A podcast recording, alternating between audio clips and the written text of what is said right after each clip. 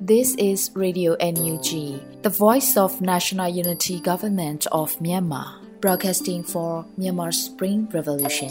Radio NUG is transmitting from shortwave 16 meter 17.79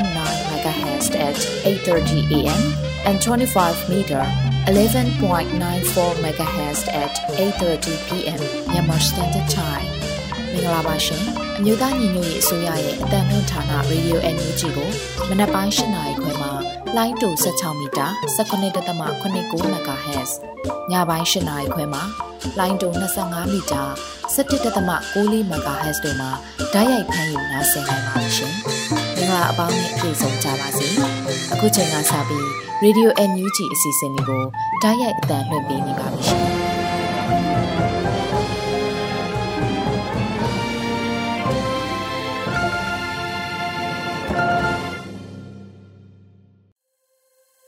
မင်္ဂလာနံနက်ခင်းပါရှင်ရေဒီယို NUG ကိုနားဆင်နေကြတဲ့မိဘပြည်သူများနဲ့မြန်မာနိုင်ငံသူနိုင်ငံသားအပေါင်းတဘာဝဘေးဆရာနာရှင်ဘေးတို့ကနေကင်းဝေးပြီးကိုစိတ်နှပါဘေးကင်းလုံခြုံကြပါစေလို့ရေဒီယို NUG အဖွဲ့သားများကဆုတောင်းမေတ္တာပို့သလိုက်ပါတယ်အော်တိုဘာလ21ရက်နေ့ရေဒီယို NUG ရဲ့မနက်ခင်းအစီအစဉ်လေးကိုစတင်ထုတ်လွှင့်ပေးတော့မှာဖြစ်ပါတယ်ပထမအဆုံးအနေနဲ့ရေဒီယို NUG ရဲ့နောက်ဆုံးရပြည်တွင်းသတင်းများကိုလွတ်လပ်နေဦးမှဖတ်ကြားတင်ပြပေးမှာဖြစ်ပါတယ်ရှင်။ မင်္ဂလာမနက်ခင်းပါခင်ဗျာအခုချိန်ကစပြီးရေဒီယိုအန်ယူဂျီရဲ့အော်တိုဘာလ22ရက်နေ့မနက်ခင်းပြည်တွင်သတင်းများကိုစတင်ကြီးညာပါတော့မယ်ကျွန်တော်ကလွတ်လပ်နေဦးပါအကြမ်းဖက်စစ်တပ်ရဲ့အတူရောင်ရွေးကောက်ပွဲများကျင်းပရန်ကြံစီအားထုတ်မှုများသည်အကြမ်းဖက်မှုများသို့သာဥတီစင်မှာဖြစ်တယ်လို့ပြပန်ကြားချက်မှာအန်ယူဂျီဖော်ပြခဲ့တဲ့သတင်းကိုဥဆုံးတင်ပြပါမယ်အကြမ်းဖက်စစ်တပ်ရဲ့အတူရောင်ရွေးကောက်ပွဲများကျင်းပရန်ကြံစီနေမှုများသည်အကြမ်းဖက်မှုများစီသို့သာဥတီစင်မှာဖြစ်တယ်လို့ ပရပန်ကြားချက်မှာအန်ယူဂျီကဖော်ပြထားပါတယ်။အော်တိုဘာလအတွင်းပရမြို့ခရီးစဉ်အတွင်းချက်သမ္မတနိုင်ငံနိုင်ငံသားရေးဝန်ကြီးဂျန်လီပတ်စကီနဲ့တွေ့ဆုံခဲ့ပြီးဝန်ကြီးဒေါ်စင်မာအောင်မှဥရောပသမဂ္ဂအဖွဲ့ဝင်နိုင်ငံများနဲ့ဥရောပသမဂ္ဂတို့ပရပန်ကြားချက်ကိုပေးအပ်ခဲ့တာဖြစ်ပါတယ်။ဥရောပသမဂ္ဂအဖွဲ့ဝင်များနဲ့ဥရောပသမဂ္ဂတို့ပန်ကြားသည့်ပရပန်ကြားချက်တွင်မြန်မာနိုင်ငံမှာအတူရောင်ရွေးကောက်ပွဲကျင်းပရမယ့်အချိန်လည်းမဟုတ်ကြောင်းဖော်ပြထားပါတယ်။ကျွန်တော်တို့၏ခေါင်းဆောင်များသည်လွတ်လပ်၍တရားမျှတမှုရှိသည်ဟု လွတ်လပ်စွာသတ်မှတ်ခံထားရသည့်အထွေထွေရွေးကောက်ပွဲမှာ၎င်းတို့ထံအနှင်းထားသည့်ဒီမိုကရေစီလုပ်ပိုင်ခွင့်ကိုဆက်လက်ကျင့်သုံးသွားမှာဖြစ်တယ်လို့ဆိုပါတယ်။အကြမ်းဖက်စစ်တပ်တွင်ရွေးကောက်ပွဲကျင်းပရန်ခွင့်အာဏာမရှိဘဲရင်းချက်မှာအမျိုးသားဒီမိုကရေစီအဖွဲ့ချုပ်နဲ့ရှမ်းတိုင်းရင်းသားများဒီမိုကရေစီအဖွဲ့ချုပ်တို့အပါအဝင်နိုင်ငံ၏မဲဆန္ဒရှင်80ရာခိုင်နှုန်းကျော်ကိုကိုစားပြုသည့်နိုင်ငံရေးပါတီ40ကိုဖျက်သိမ်းရန်အကြမ်းဖက်စစ်တပ်ရဲ့ကြိုးပမ်းမှုတွင်ထင်ရှားတယ်လို့ဆိုထားပါတယ်။ထို့ကြောင့်မြို့သားညွေရဲ့အတိုင်းပင်ခံကောင်စီမြို့သားညွေရဲ့အစိုးရတိုင်းရင်းသားတော်လှန်ရေးအဖွဲ့များနဲ့ နယူးတော်လိုင်းအင်အားစုများနေဖြင့်ဥရောပသမဂ္ဂအဖွဲ့ဝင်နိုင်ငံများနဲ့ဥရောပရှိမိဖက်များထံတောင်းဆိုရမှာအကြမ်းဖက်စစ်တပ်ရဲ့အတူရောင်ရွေးကောက်ပွဲများကျင်းပရန်ကြံစီအားထုတ်နေမှုများသည်အကြမ်းဖက်မှုများသို့သာဥတီစေပြီးဒေတာတွင်တည်ငြိမ်မှုပေါ်ချိန်ချောက်နိုင်တာကိုတတိပြုကြရန်နဲ့လက်မခံကြရန်တို့ပါဝင်တယ်လို့သိရပါတယ်ခင်ဗျာ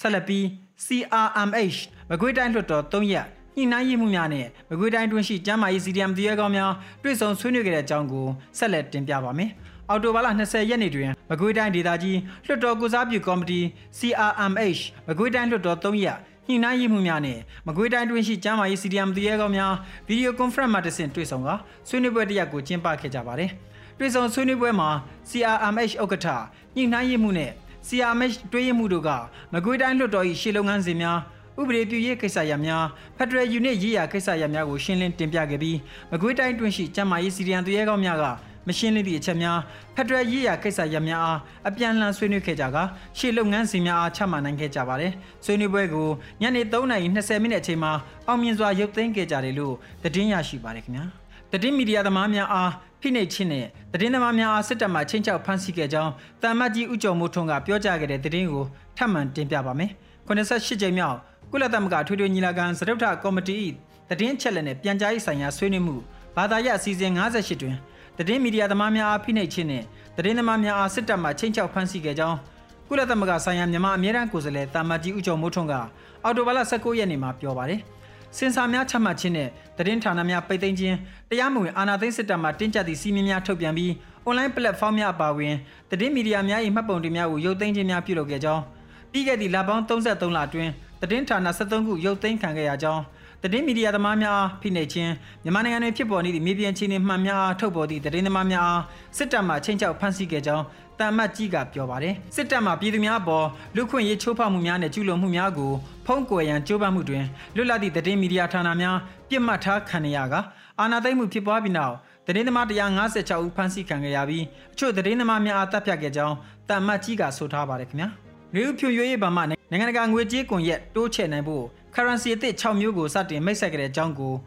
ဆက်လက်တင်ပြပါမယ်။အော်တိုဘာလ20ရက်နေ့မှာနေဦးဖြူမျိုးရေးဘာမှနိုင်ငံတကာငွေကြေးကွန်ရက်တိုးချဲ့နိုင်ဖို့ currency အသစ်6မျိုးကိုစတင်မိတ်ဆက်လိုက်ပါတယ်။မြန်မာနိုင်ငံရဲ့ငွေကြေးစနစ်အစုံလင်ဆုံးဘဏ်ဆိုတဲ့အတိုင်းပြည်ပရောက်ဒေါ်လာပြည်သူတို့တောင်းဆိုမှုနဲ့အတူနိုင်ငံတကာငွေကြေးကွန်ရက်တိုးချဲ့နိုင်ဖို့ currency အသစ်6မျိုးကိုစတင်မိတ်ဆက်အကောင့်ထဲပေါ်နေပြီပဲဖြစ်ပါတယ်။နေဦးဘဏ်ဝန်ဆောင်မှုစနစ်ထဲမှာအသစ်ထပ်တိုးလာတဲ့ငွေကြေးမျိုးစားတွေက Australian dollar, Malaysian ringgit, British pound, euro, Japan yen, Korean won တို့ပဲဖြစ်ပါတယ်လို့ဆိုပါတယ်။မကြခင်မှာ currency အသစ်များနဲ့စည်ရင်းတည်အငွေဝန်ဆောင်မှုပေးနိုင်ဖို့လဲစ조사တိုးချဲ့သွားမှာပဲဖြစ်တယ်လို့ဆိုပါတယ်။2023ခုနှစ်ဇူလိုင်လ22ရက်နေ့ကစပြီးနယူးဘန်ရဲ့ UAD sub launch private beta စမ်းသပ်ကာလကိုစမ်းသပ်အသုံးပြုသူအကန့်အသတ်ဖြစ်စတင်လဲပတ်ခဲ့ရာယခုတွင်ရက်ပေါင်း80ခန့်ကြာမြင့်ခဲ့ပြီးဖြစ်ပါတယ်။အဆိုပါစမ်းသပ်ကာလတွင်အသုံးပြုသူများနဲ့ RMS များ၏အကြံပေးကူညီဝန်ရမှုများကြောင့်ပြင်ဆင်မှုမှန်မှုများနဲ့အဆင့်မြင့်တင်မှုများကိုစင်ဆက်မပြတ်ဆောင်ရွက်နိုင်ခဲ့ကထိုမှတစ်စစ်တက်ပြီးလူတိုင်းသုံးနိုင်သည့်အခြေအနေ full launch အားစတင်တော့မှလည်းဖြစ်ပါတယ်ခင်ဗျာတန်ဖြူစရမှနေထိန်တူလက်နက်ခဲယမ်းတွေနဲ့တူ KNL PDF ပူးပေါင်းတပ်ဖွဲ့တွေထံလာရောက်ခိုလုံ၍ပန်းငွေ2000ထောက်ပံ့ပေးအပ်ခဲ့တဲ့အကြောင်းကိုထပ်မံတင်ပြပါမယ်။ တမ်စရမြို့နယ်မှာနေတိုင်းတူလက်နက်ခဲယမ်းတွေနဲ့တူ KNL PDF ပူးပေါင်းတပ်ဖွဲ့တွေထံလာရောက်ခိုလုံ၍ပန်းငွေ2000ထောက်ပံ့ပေးအပ်ခဲ့တယ်လို့အော်တိုဘာလ20ရက်နေ့မှာဒုစစ်ဒေသခွဲမှုယုံအမှတ်3စစ်ဒေသခွဲတောင်ပိုင်းတိုင်း GOC ကအသိပေးဆိုပါတယ်။မွန်ပြည်နယ်တမ်စရမြို့မှာရဲစခန်းမှာနေတိုင်းတူ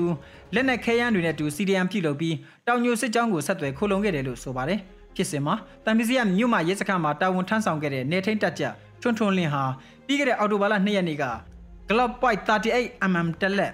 Point 38G 9တောက်ကြီးကားတစ်ခုလက်ပစ်ပုံးတစ်လုံးအိုင်ကွန်တစ်လုံးရဲအုပ်ထုပ်တစ်လုံးဓာတ်တစ်ချောင်းဖုံးနှလုံးလက်ထိတ်တစ်ခုတို့နဲ့ KNL PDF ပူးပေါင်းတပ်ဖွဲ့တွေထံလာရောက်ခိုးလုံခဲ့တာဖြစ်ပါတယ်။နေထိန်ထွန်းထွန်းလင်းဟာရဲတပ်ဖွဲ့အတွင်းအထက်အောက်ဖိနှိပ်တဲ့တံကိုမခံနိုင်ခြင်းနဲ့ပြည်သူတွေပေါ်နိုင်ခြင်းရက်စက်တာကိုမခံနိုင်တာကြောင့်အခုလိုစီရီယံပြုတ်လုခိုလုံခဲ့တာဖြစ်တယ်လို့သိရပါတယ်။ အခုလိုလက်နက်နဲ့တူပြည်သူရင်ဝင်ခိုလုံလာခဲ့တဲ့စီရီယံရက်တက်ကြထွန်းထွန်းလင်းကိုပန်းငွေ1000ထပ်ပပေးအပ်ခဲ့တယ်လို့သိရပါတယ်ခင်ဗျာ။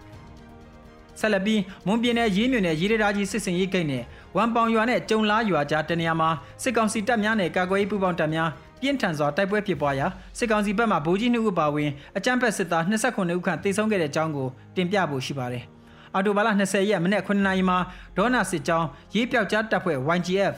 MSRF တပ်ဖွဲ့နဲ့ ABSDF တပ်ရင်းတစ်တူပူးပေါင်းပြီးမွန်ပြည်နယ်ရေးမြို့နယ်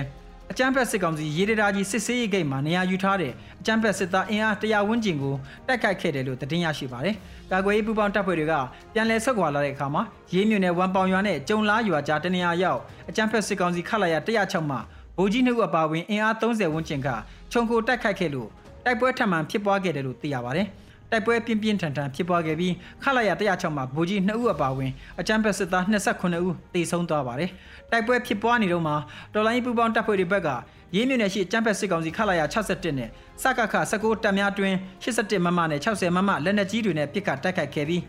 အဲ့ဒီတပ်ရင်းတပ်ဖွဲ့ဝင်းထဲမှာလည်းထိခိုက်တေဆုံးမှုတွေရှိတယ်လို့သိရပါတယ်။ဒီတိုက်ပွဲမှာအကြမ်းဖက်စစ်ကောင်စီခလာရ106တပ်စီကနေတနတ်မျိုးစုံစုစုပေါင်း73လက် ခဲယမ်းများပြနဲ့စစ်အုံဆောင်ပစ္စည်းတွေတင်စီရမိခဲ့ပါတယ်။တင်စီရမိတဲ့လက်နက်များမှာ MA10 RPG တစ်လက် MA3 နှစ်လက် MA1 လေးလက် MA4 တစ်လက် MA2 နှစ်လက်60မမစိန်ပြောင်းတူတစ်လက်40မမဘုံသီး24လုံး RPG ဘုံသီး9တောက် RPG ပို့ရန်4တောက်အီနာဂါဘုံသီး19တောက်လက်ပစ်ဘုံ4လုံးရှစ်ထွက်မိုင်း1လုံးနင်းမိုင်း4လုံး5.56 box 34ခုဆက်လက် box တစ်ခု pistol 2လက်အတူကြီး box 3ခု 9မမ G18 တောက် 5.56G 1369တောက် AKG တတောက်လက်ကင်ဖုန်း9လုံးဆက်သွယ်ရေးဆက် icon 2ခု icon two way radio 3လုံးတို့ဖြစ်တယ်လို့သိရပါတယ်ခင်ဗျာဖတ်စစ်ဝင်ငွေဖြတ်တောက်ပြည်သူဗန္ဒာတိဆောက်ဗန္ဒာကင်ဆွဲကလောင်းလုံးမြို့နယ်ထဲမှာစစ်အာဏာရှင်စန့်ကျင်ရေးလူထုတပိတ်လှုပ်ရှားခဲ့တဲ့အကြောင်းကိုထပ်မံတင်ပြပါမယ်။အော်တိုဘာလ20ရက်နေ့မှာတပွဲခရိုင်ဒီမိုကရေစီရေးလှုပ်ရှားမှုတပိတ်ကော်မတီ DDMSC ကဦးဆောင်ပြီး လောင်းလုံးမြို့နယ်ထဲမှာဆီယနာချင်းစနစ်စန့်ကျင်ရေးလူလူတပိတ်လှုပ်ရှားမှုကိုပြုလုပ်ခဲ့တာဖြစ်ပါတယ်။လှုပ်ရှားမှုမှာအကြမ်းဖက်စစ်တပ်ပိုင်းထုတ်ကုန်တွေနဲ့ဝန်ဆောင်မှုလုပ်ငန်းရှင်မျိုးကိုပြည်သူလူထုတရားလုံးစန့်ကျင်တပိတ်မှောက်ကြဖို့လှုံ့ဆော်တဲ့အနေနဲ့ဖက်စစ်ဝင်ငွေဖြတ်တောက်ပြည်သူဗန္နာတိဆောက်ဆိုတဲ့ဗန္နာနဲ့လှုပ်ရှားခဲ့ကြတာဖြစ်ပါတယ်။ဗန္နာ၏စစ်မျက်နှာလှုပ်ရှားမှုရဲ့ဒုတိယခြေလှမ်းအနေနဲ့ရွေးချယ်ထားတဲ့စစ်တပ်ပိုင်းကုန်ပစ္စည်းတချို့နဲ့ဝန်ဆောင်မှုလုပ်ငန်းရှင်မျိုးကတော့1အောင်ပါလီတီ2နမ်းမြိုင်တစိတ်ကော်ဖီမျိုးစုံ3ရွှေပြည်ဦးတစိတ်အသင့်ဖြော်လက်ဖက်ရည်လီမွန်တီ 4ရွှေမန်းသူအမြန်ကားလိုင်း5ရွှေမြိုင်သူအမြန်ကားလိုင်း6ပသိမ်သူအမြန်ကားလိုင်း9တမ်းမြန်သူအမြန်ကားလိုင်း8ရှမ်းမလီအမြန်ကားလိုင်းတို့ပဲဖြစ်ပါတယ်တောတာရှင်များခင်ဗျာအခုတင်ပြခဲ့တဲ့သတင်းတွေကို Radio UNG သတင်းတာမင်းတီဟန်ကပေးပို့ထားတာဖြစ်ပါတယ်ခင်ဗျာ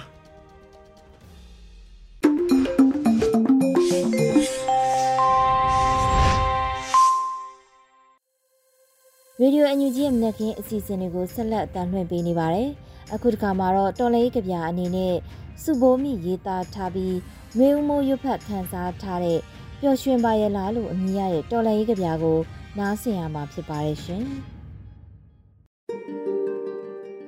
မေကွန်းကနိုင်ငံတော်နဲ့ဆိုင်လာပြီ။မပျော်ပါနိုင်သောနှလုံးသားများနဲ့မရွှင်လန်းလိုသောခန်းစားချက်များကသာလိုအပ်သောတယံဇာတတွေဖြစ်ခဲ့ပြီ ရရှိထားသောအောင်မြင်မှုတွေဖြစ်ခဲ့ပြီချစ်ချင်းကိုဆက်လက်ထွန်းညှိဖို့လောင်စာတွေဖြစ်ခဲ့ပြီပျော်ရွှင်ပါရဲ့လားပျော်ရွှင်လျက်ပါဆိုရင်ဖြစ်အရာရာစီကနှုတ်ထွက်လိုက်ပါရစေခွဲတန်းတစ်ခုလိုရယူခဲ့ရတဲ့မျက်ရည်ဆက်လက်ရန်ရာကြီးကိုနှလုံးရည်ရေချိန်နဲ့သာမနာရန်မောင်းနေရအောင်မမို့ခမရလဲလေးလံခွင့်ရှိပါတယ် အငိုအားလုံးဆုံးသွားတဲ့တနေ့မမေ့သေးတဲ့ရှင်တန်မှုမျိုးနဲ့ပြန်ဆုံကြတဲ့အခါအရင်ဆုံးပြုံးပြဖို့သာဆန္ဒပြုထားခဲ့ပါမယ်လက်သီးစုပ်ထဲမှာထည့်ထားသမျှကျက်ဆက်နာကျင်မှုတွေကြီးပဲမှုလေပြင်းတစ်ချက်လဲအထိမခံနိုင်တာကိုနားလဲပါကြကြနနပတ်သက်ထားရတဲ့အော်နှလုံးနာစရာကာလကြီးထဲမှာကျင်နာပွဲစကားမဆိုဖြစ်တာကိုလည်း ခွင့်လွတ်ပါစုပူမိ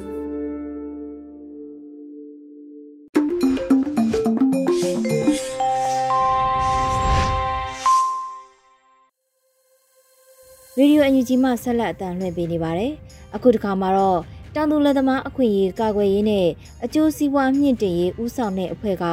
ပဒေပါရည်ရွယ်ချက်တွေကိုဖောက်ဖျက်နေတယ်လို့အမည်ရတဲ့စိုက်ပျိုးစည်းဝါးတောင်သူစကားသံအစီအစဉ်ကို လွတ်လပ်ຫນွေဦးကတင်ဆက်ထားတာကိုနားဆင်ရမှာဖြစ်ပါတယ်ရှင်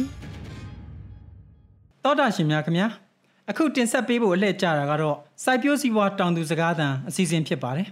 ။ဥပဒေအရဖွဲ့စည်းထားတဲ့တောင်သူလယ်သမားအခွင့်အရေးကာကွယ်ရေးနဲ့အကျိုးစီးပွားမြင့်တင်ရေးဥဆောင်ဖွဲ့က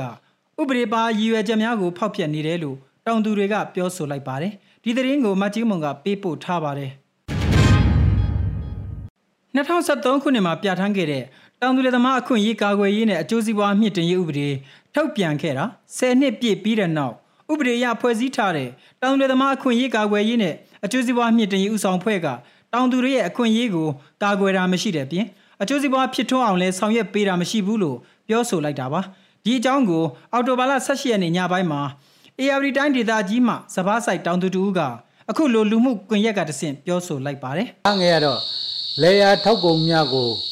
လွတ်လပ်စွာသဲယူရောင်းချခွင့်နဲ့အဲ့ဒါအရာကြီးအရေးပါတဲ့ကိစ္စဖြစ်နေကိုကအဲ့တော့တောင်သူလယ်သမားဒီအတွက်အကျိုးစီးပွားကာကွယ်မြင့်တင်ရေးဒီဟိုဟာမှာဒီအချက်ကြီးအဓိကပါနေရတာနဲ့ခုကျွန်တော်တို့ဒီလေယာထွက်ကုန်တွေလွတ်လွတ်လပ်လပ်မတည်ယူရတဲ့အခြေအနေဟာပြောရလို့ရှိရင်ဒီ ဒီအဖွားကြီးပြီးတော့ပေါ်ပေါက်ပြီးတော့ဒီဥပဒေရဲ့ဟာကိုဘာဖြစ်လို့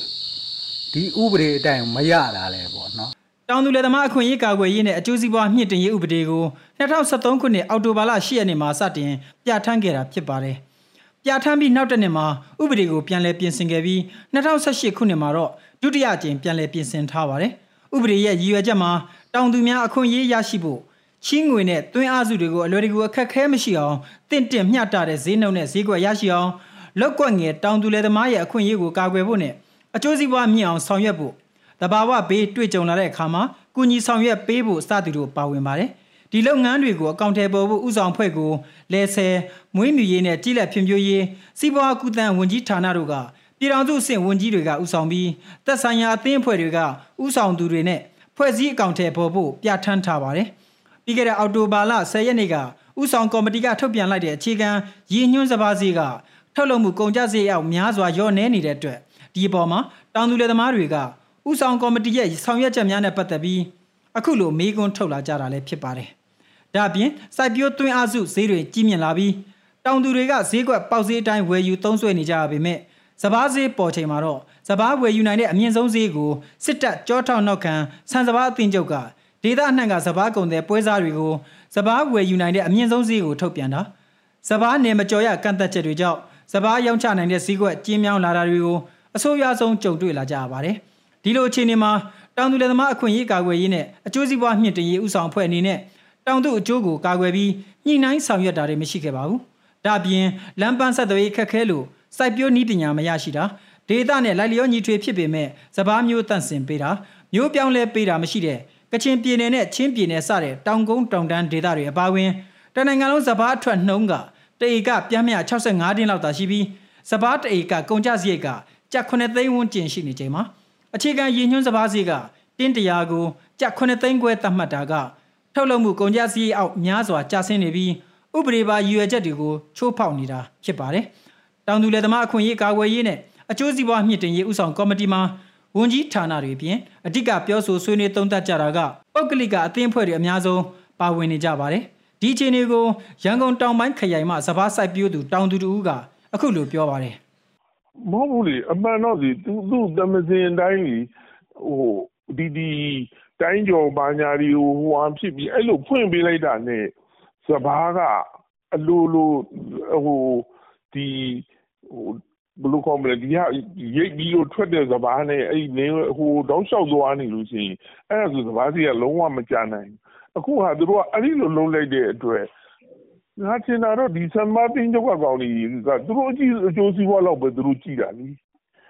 အဲ့တော့သူတို့အကျိုးစီးပွားသူတို့ကြည့်တဲ့ခါကျတော့သူတို့အကျိုးစီးပွားကဟိုတနည်းကတော့ကလေတရုတ်ကတရုတ်ကစဘာတွေဝင်ဝယ်လို့ဒီမှာဟာလာသိစံအစာတွေဖြစ် ရဟိုလိုဖြစ်ကြပါပြီဒီလိုဖြစ်ရပါပြီဖွဲမှုဖွဲချမ်းစပွဲတွေဒီလိုဖြစ်ပါပြီလို့သူတို့ပြောတယ်လေအဲဒီလိုအချိန်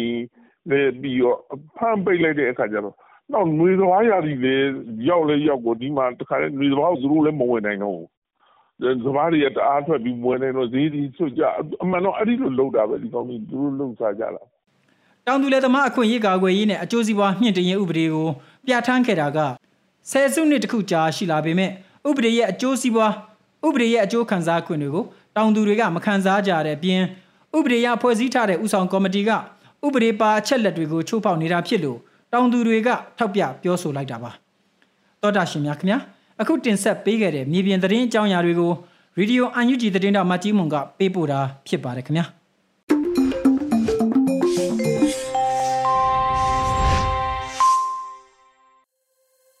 ရေဒီယိုအန်ယူဂျီမှဆက်လက်အသံလွှင့်ပေးနေပါတယ် အခုဒီခါမှာတော့ PPTV ရဲ့နေ့စဉ်သတင်းများကိုရိမဖတ်ကြားတင်ပြပေးတော့မှာဖြစ်ပါတယ်ရှင်။အခုချိန်ကစပြီး PPTV သတင်းတွေကိုတင်ဆက်ပေးတော့မှာပါကျမရိမပထမဆုံးအနေနဲ့တင်ဆက်ပေးမှာကတော့ဂျာဂလာတေသန္တရပြည်သူ့အုပ်ချုပ်ရေးဖွဲ့ဆောင်မှုဗဟိုကမတီအစည်းအဝေးပြုလုပ်တဲ့တဲ့မှာ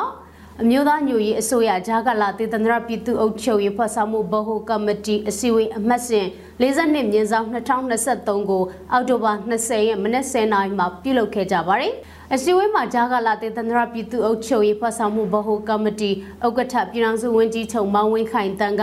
နေမြေစုံမမှုအားကောင်းတဲ့ဒေသတွေမှာ ဘာအဖရီအနေနဲ့ပြည်သူဝန်ဆောင်မှုလုပ်ငန်းတွေအခွင့်ကောက်လုပ်ငန်းတွေကိုစနစ်တကျဆောင်ရွက်ပြီးစစ်ဘေးသင့်နေတဲ့ဂျေးဝါတွေနဲ့ပြည်သူတွေကိုလူသားချင်းစာနာထောက်ထားမှုဆိုင်ရာအကူအညီတွေပေးအပ်ကြရမယ့်လုပ်ငန်းကိုလည်းအားစိုက်ပြီးစီမံပေးကြရမှာဖြစ်ပါတယ်။ဒါ့အပြင်ဒေသကာကွယ်ရေးအတွက်လိုအပ်တဲ့စစ်အင်အားလက်နက်ခဲယမ်းအင်အားတွေကိုလည်းတိုးတက်ကောင်းမွန်အောင်ပြန်လည်ဖြည့်တင်းနိုင်သလောက်ဖြည့်တင်းကြရမှာဖြစ်ပါတယ်။ဂျေးရွာတရွာကနေနောက်တရွာမြို့နယ်တစ်ခုကနေနောက်ထပ်မြို့နယ်တစ်ခု ဒီလိုတိုးချက်စိုးမိုးနိုင်မှသာကျွန်တော်တို့ရဲ့အုပ်ချုပ်ရေး area တွေကကျယ်ပြန့်လာမှာဖြစ်ပါတယ်။အုပ်ချုပ်ရေး area ကျယ်ပြန့်ဖို့ဆိုတဲ့ကိစ္စကတီတော်လှန်ရေးမှာအရေးကြီးဆုံးလုပ်ငန်းစဉ်တစ်ရပ်ဖြစ်ပါတယ်လို့ဆွေးနွေးဖြေကြားခဲ့ပါတယ်။ဆက်လက်ပြီးတက်ရောက်လာတဲ့ဂျာဂလာတေသန္တရပြည်သူ့အုပ်ချုပ်ရေးဖွဲ့ဆောင်မှုဗဟိုကော်မတီအဖွဲ့ဝင်တွေက41မြင်းဆောင်2023မှာချမှတ်ထားတဲ့ဆုံးဖြတ်ချက် ရှေ့လုပ်ငန်းစဉ်များနဲ့ပတ်သက်လို့ပြည်စည်းမှုအခြေအနေများနဲ့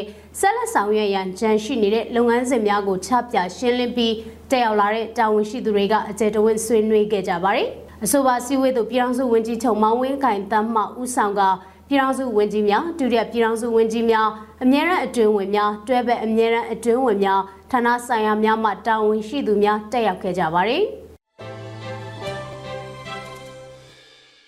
ဆက်လက်တင်ဆက်ပေးမဲ့တရင်ကတော့ပြည်ထောင်နဲ့လူဝမှုကြီးကြပ်ရေးဝန်ကြီးဌာနနဲ့ခရိုင်ပြည်သူ့အုပ်ချုပ်ရေးအဖွဲ့များတွဲဆုံဆွေးနွေးတဲ့တရင်မှာအမျိုးသားညူရေးအစိုးရပြည်ထောင်နဲ့လူဝမှုကြီးကြပ်ရေးဝန်ကြီးဌာနနဲ့ခရိုင်ပြည်သူ့အုပ်ချုပ်ရေးအဖွဲ့များတွဲဆုံဆွေးနွေးမှုအစည်းအဝေး34မြင်းဆောင်2023ကိုအောက်တိုဘာ19ရက်မွန်းလွဲ3နိုင်မှာပြုလုပ်ခဲ့ကြပါတယ်။အစည်းအဝေးမှာပြည်ထောင်နဲ့လူမှုကြီးကြပ်ရေးဝန်ကြီးဌာနတွဲဘက်အမြဲတမ်းအတွင်းဝင်ရဲ့ဆွေးနွေးမှုနဲ့စတင်ခဲ့ပြီး 33မြင်းဆောင်2023ရဲ့ရှေ့လုပ်ငန်းစဉ်များနဲ့ပတ်သက်လို့ပြည်စည်းမှုအခြေအနေများနဲ့ဆက်လက်ဆောင်ရွက်ရန်ကြံရှိနေတဲ့လုပ်ငန်းစဉ်များကိုချပြရှင်းလင်းခဲ့ပါတယ်။အဲဒီနောက်တက်ရောက်လာတဲ့ခရိုင်ပြည်သူ့အုပ်ချုပ်ရေးအဖွဲ့များကမြေပြင်မှာကြုံတွေ့နေရတဲ့ကိစ္စရပ်များလိုအပ်ချက်များအခက်အခဲများကိုမင်းမြန်ဆွေးနွေးကြကဝန်ကြီးဌာနရဲ့တာဝန်ရှိသူများကပြန်လည်ဖြည့်ကြားဆောင်ရွက်ခဲ့ပါတယ်။အဆိုပါစည်းဝေးသို့တွဲပဲအမြဲတမ်းအတွင်းမှဦးဆောင်ကပြည်သူ့အုပ်ချုပ်ရေးဦးစီးဌာနရဲ့တာဝန်ရှိသူများခရိုင်ပြည်သူ့အုပ်ချုပ်ရေးအဖွဲ့များမှတက်ရောက်ခဲ့ကြတယ်လို့ပြည်ထောင်နယ်လူမှုကြီးကြပ်ရေးဝန်ကြီးဌာနကသတင်းထုတ်ပြန်ထားပါတယ်။နောက်ထပ်တင်ဆက်ပေးမှာက ချောင်းဦးမြို့နယ်ကန်စည်းပြူရွာကနေစာနက်ရိတ်ခါရှာပွေဖို့နဲ့ရှေ့ကင်းထွက်လာတဲ့အကြမ်းဖက်ရဲနှစ်ဦးကိုပြစ်ခတ်ရှင်းလင်းခဲ့ပြီးလက်နက်တွေပါရခဲ့တဲ့တဲ့မှာစကိုင်းတိုင်းချောင်းဦးမြို့နယ်ကန်စည်းပြူရွာကစာနက်ရိတ်ခါရှာဖွေဖို့နဲ့ရှေ့ကင်းထွက်လာတဲ့အကြမ်းဖက်ရဲနှစ်ဦးကိုပြစ်ခတ်ရှင်းလင်းခဲ့ပြီးလက်နက်တွေပါရခဲ့တယ်လို့မုံရွာခရိုင်တပ်ရင်းကအောင်ဆန် Force ASF ကဒီနေ့မှထုတ်ပြန်ပါတယ်။ ကန်စည်းဖြူရွာကရိတ်ခါရှာထွက်လာတဲ့အကြမ်းဖက်ရဲနှစ်ဦးကိုအော်တိုဘာ19ရက်မနက်9နာရီမှာတော်လိုင်းရေးတပ်ဖွဲ့ကစောင့်ကြိုတိုက်ခိုက်ခဲ့ရာတအူးနေရာမှာတင်ပွဲချင်းပြီးတေဆုံးခဲ့ပြီးကြံရဲတအူးမှာဒဏ်ရာအပြင်းထန်ရရှိခဲ့ကအရှင်ဖန်းစီရမိခဲ့တဲ့ဆိုတာနဲ့အဲ့ဒီဖန်စီရမိခဲ့တဲ့အကြမ်းဖက်ရဲမှာလည်း၎င်းရရှိခဲ့တဲ့ဒဏ်ရာကြောင့်သေဆုံးသွားခဲ့တယ်လို့အသိပေးဖော်ပြထားပါတယ်။ သေဆုံးခဲ့တဲ့အကြမ်းဖက်ရဲတပ်သားတွေမှာရဲတပ်ရင်26ရဲတပ်သားထွန်းကျော်စောခထွန်းထွန်းနဲ့ရဲတပ်သားအောင်ဆန်းမြင့်တို့ဖြစ်ကြောင်းသိရပါတယ်။၎င်းတို့ထံကနေ G3 နှစ်လက် GA 9ခု7.62 G150 G ကအင်ဂျီတစ်ထိပ်လက်ကင်ဖုန်းတစ်လုံးဆိုင်ကယ်တစ်စီးဘေးလွယ်အိတ်တစ်လုံးဓာတ်ရှိတလက်နဲ့ဆက်ဆက်ပစ္စည်းတွေတင်စီရမိခဲ့တယ်လို့ မုံရခရိုင်တပ်ရင်းကအောင်ဆန် Force ASF ကထုတ်ပြန်ချက်မှာဖော်ပြထားပါတယ်။ဒီတိုက်ခိုက်မှုကိုပြူဟာတပ်ရင်းလေးရင်ဖြစ်တဲ့မုံရခရိုင်တပ်ရင်းကအောင်ဆန် Force ASF မုံရခရိုင်တပ်ရင်းခုနှစ်မုံရခရိုင်တပ်ရင်း25သမဏီ Force MPTF မုံရခရိုင်တပ်ရင်း28တို့နဲ့အတူ We Must Win မီတောက်တပ်ဖွဲ့၄တို့က ပူပေါင်းတိုက်ခိုက်ခဲ့တာပါအကြမ်းဖက်စစ်ကောင်စီရန်သူတပ်စခန်းတွေကိုထိုးစစ်ဆင်တိုက်ခိုက်နေတာကြောင့်အရေးပေါ်လိုအပ်နေတဲ့လက်နက်ခဲယမ်းတွေကိုပြည်သူတွေအနေနဲ့ကူညီပါဝင်အားဖြည့်ပေးကြဖို့နဲ့ရန်သူတပ်စခန်းတွေရှိရာနေရာတွေကိုအတက်နိုင်ဆုံးရှောင်ရှားသွားလာပေးကြဖို့မြစ်တာရက်ခံထားပါတယ်။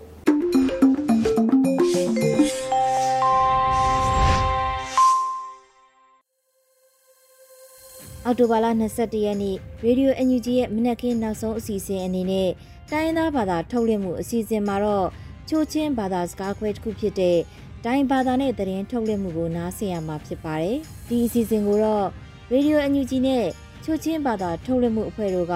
ပူးပေါင်းတင်ဆက်ထားတာဖြစ်ပါတယ်ရှင်။ เช่นบัดกี่ง่อยหลับล้อติลูไดรีดิโอคือนิ่งอย่าอมทำนี้ตูง่อยหุยคามุกุยามันขึ้นสุมาตุงนิมหุยากาทักตุงเอซุนกี่ได้สลายนอกันนิ่งอย่าเทเลตุขายนิมอัตสกามินดาตาเซนเฮดมปอกลูหาเซนหีเลปีกุงเพนอินาคุยโซอีวายายามโซเกียเตียทังอังนินากาบัตัวอิมมาดาโซลามิรุมโดยเตียอิมุงกาโซลาเอยาลากอีไวติลูเซซาปูนาเป็ดกีเตียทัง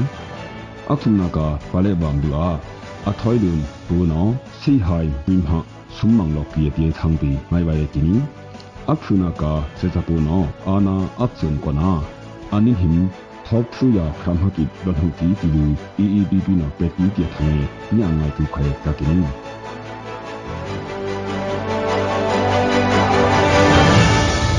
မင်းတမ်လူဟျာစေစပူအာကာဟုဆေနက်ဒုံပေါကလူ อกลูอิมลูอัมชาซิมปรลูครั้งอัมชาเลปีเตียทังมัวกากินีตูคาอังฮีฮลิงฮียาฮลิกทุมโฮเปองคาลายะนี่คอนลีนอฮองวซาอัมฮองกาบฮูลูအခောကုမ်ခလီယလော်ကီပါမီဆာယာအခောကုမ်ခလိခေလော်ကီဟူမီဆာလေကီဟွိုတီလူမင်တမ်လူန်ဟေပခောဥပနောတူခါဟလိခုမှုပုံသငါပရာမောကကီနီ tu mui kha um hinung se sapu ya CTF min ta tang la ka ga na am me ko de bi se sapu no nam kho da sen het dum ka phu lo ki anitia ka ki nin hu kha apui so a ga na be lu kha um hinung ga na mhawi be ki se sapu no sen het dum aka huwa phu ya ania pinman ave phu city lu we so se son wai บุ้งคุยเพนอีนักคุยสอยวายา CTF มินตัดนอยามสุขียกักินีมบตัวลัมมีกูเวลูโซลามีเวกินอลัมมาดามิมดุยวายาเซสปูนอมลุอุมาเวกีเอยังทุบุกีเตียทังยากากักินีนินหูทอมหูบุงตุนอีลูมดุยกีเอโควิตาอัมดุยขออิบอุมา ขับเทคพยองไตโดยลูสาบุกีหาเซนปีเวกีติลูลูมามันนอเปกินีลัมมาดาสูลามีกุมโดยกียาอิมสูลายาลักอีไวอันนี้ตียาพุสัมปงลูคุนนอโดยอุลูลองบันลูคุนนตาสูลากูไรขออุลูไม่กุมโดยกียากักนีมูคาคอกิเซอโลกนาตูเวฮียาบัตุมลูอาเทสินมีกูไวเบหับกียากักนี စေစပူနောအာနာအခဆွန်လောကနာပလေဝမ်လူအာဘရင်းဟာစီဟိုင်ဆုမ်အကီအထွိလုံလောကီတီလူလူမိုင်နောပက်ကီနီ WY MU စီဟိုင်ဆွန်အဆက်ခလိခူယာထုံကိအနင်းလာကုံကာအထွိယေနောဌာနာအန်ဟီနာကာငဘုံမူလူဆုမ်မောင်အီကီယတီလူလူမမနောပက်ကီနီပလေဝမ်လူအာအလဟာနာအယက်ပီယာသက်ယောဥလူအဟိနာ ဘိမဟာစီဟိုင်ကိုယောခွိုက်ကီကကနီပါလေဝမ်လူအာအယက်ပီယာယောတုလုံလလူဆုမကီပီလုံလကီယာကကနီအယက်ပီယာယောကီအဝေလောဖုံအဟိနာယောတုကုံဆုံအကီယာစေစပူနော EP ကိုစီယံပေါ်ပက်ကီယာကကနီစေစပူနောအာနာအခဆွန်လောင်တွန်အီလူတူဝီဆုဘဟီယာခန်းအနင်ဟင်ထောက်ဖြူကနုံဖရမ်ဟကိလွန်ဟုန်ကီတီလူ EEPP နောတူခါ khalikhet hupung thang akra hwa ka kini anian himung am am yum yua sanja ulu anian him beki tilu epp no pekini ania man athonga mku yam ha kunung phrakthum ya khalim ha lolu thok khu kunung phrakhu ya khekip ya khu sun khup thok grok umam ania tak him lum tam ania pet phrap hakip ya khuk veki tilu epp no pekini ထောကော င်ဆုစေနာကုံအနင်းဟိမယာနပ်ဥမာအနင်းဟိမုံငုံမင်ဟာစန်ပုတ်ကီတီလူ EEBB နော်ပက်ကီနီခန်းဟာအခါနုံအဘုမာအနိယန်ဟိမနာကူယံဟိဝီဝဲလူအဘုမာဟိမနာကုံဖရမ်ဟန်ပုတ်ကီတီလူ ISP မြန်မာနော်ပက်ကီနီဆက်စပူအာစัญญาအဒုံလောဖူ ICC ယာမတိုင်ဝယာဆွစ်ဇာလန်ဂျနီဗမ်လူ UN Security Council mthuna kung Human Rights Mahaminji Volker Turk no Petkia Kakini sungai ki numpa bena ninya yena ni ဒီကနေ့ကတော့ဒီညနဲ့ပဲ Radio NUG ရဲ့အစီအစဉ်လေးကိုခਿੱတရနာလိုက်ပါမယ်ရှင်။မြမစံတော်ချိန်မနက်၈နာရီခွဲနဲ့ည၈နာရီခွဲအချိန်တွေမှာပြန်လည်ဆုံတွေ့ကြပါစို့။ Radio NUG ကိုမနက်ပိုင်း၈နာရီခွဲမှာ လိုင်းတူ16မီတာ19.89 MHz ညပိုင်း၈နာရီခွဲမှာလိုင်းတူ25မီတာ17.6 MHz တို့မှာဓာတ်ရိုက်ဖမ်းလို့နိုင်စေနိုင်ပါပြီ။မြန်မာနိုင်ငံသူနိုင်ငံသားတွေကိုစိတ်နှပြကျန်းမာချမ်းသာလို့ဘေးကင်းလုံခြုံကြပါစေလို့ Radio NUG အဖွဲ့သူဖွဲ့သားတွေကဆုတောင်းမြတ်တာပို့တာလာရပါတယ်ရှင်။မြေသားညီမတွေအစိုးရရဲ့စက်သွေးရေးသတင်းအချက်အလက်တွေပညာဝန်ကြီးဌာနကထုတ်လွှင့်နေတဲ့ Radio NUG ဖြစ်ပါတယ်။ San Francisco Bay Area အခြေစိုက်မြန်မာမိသားစုတွေနဲ့နိုင်ငံတကာကစေတနာရှင်လို့အားပေးနေတဲ့ Radio NUG ဖြစ်ပါတယ်။အရေးတော်ပုံအောင်ရမည်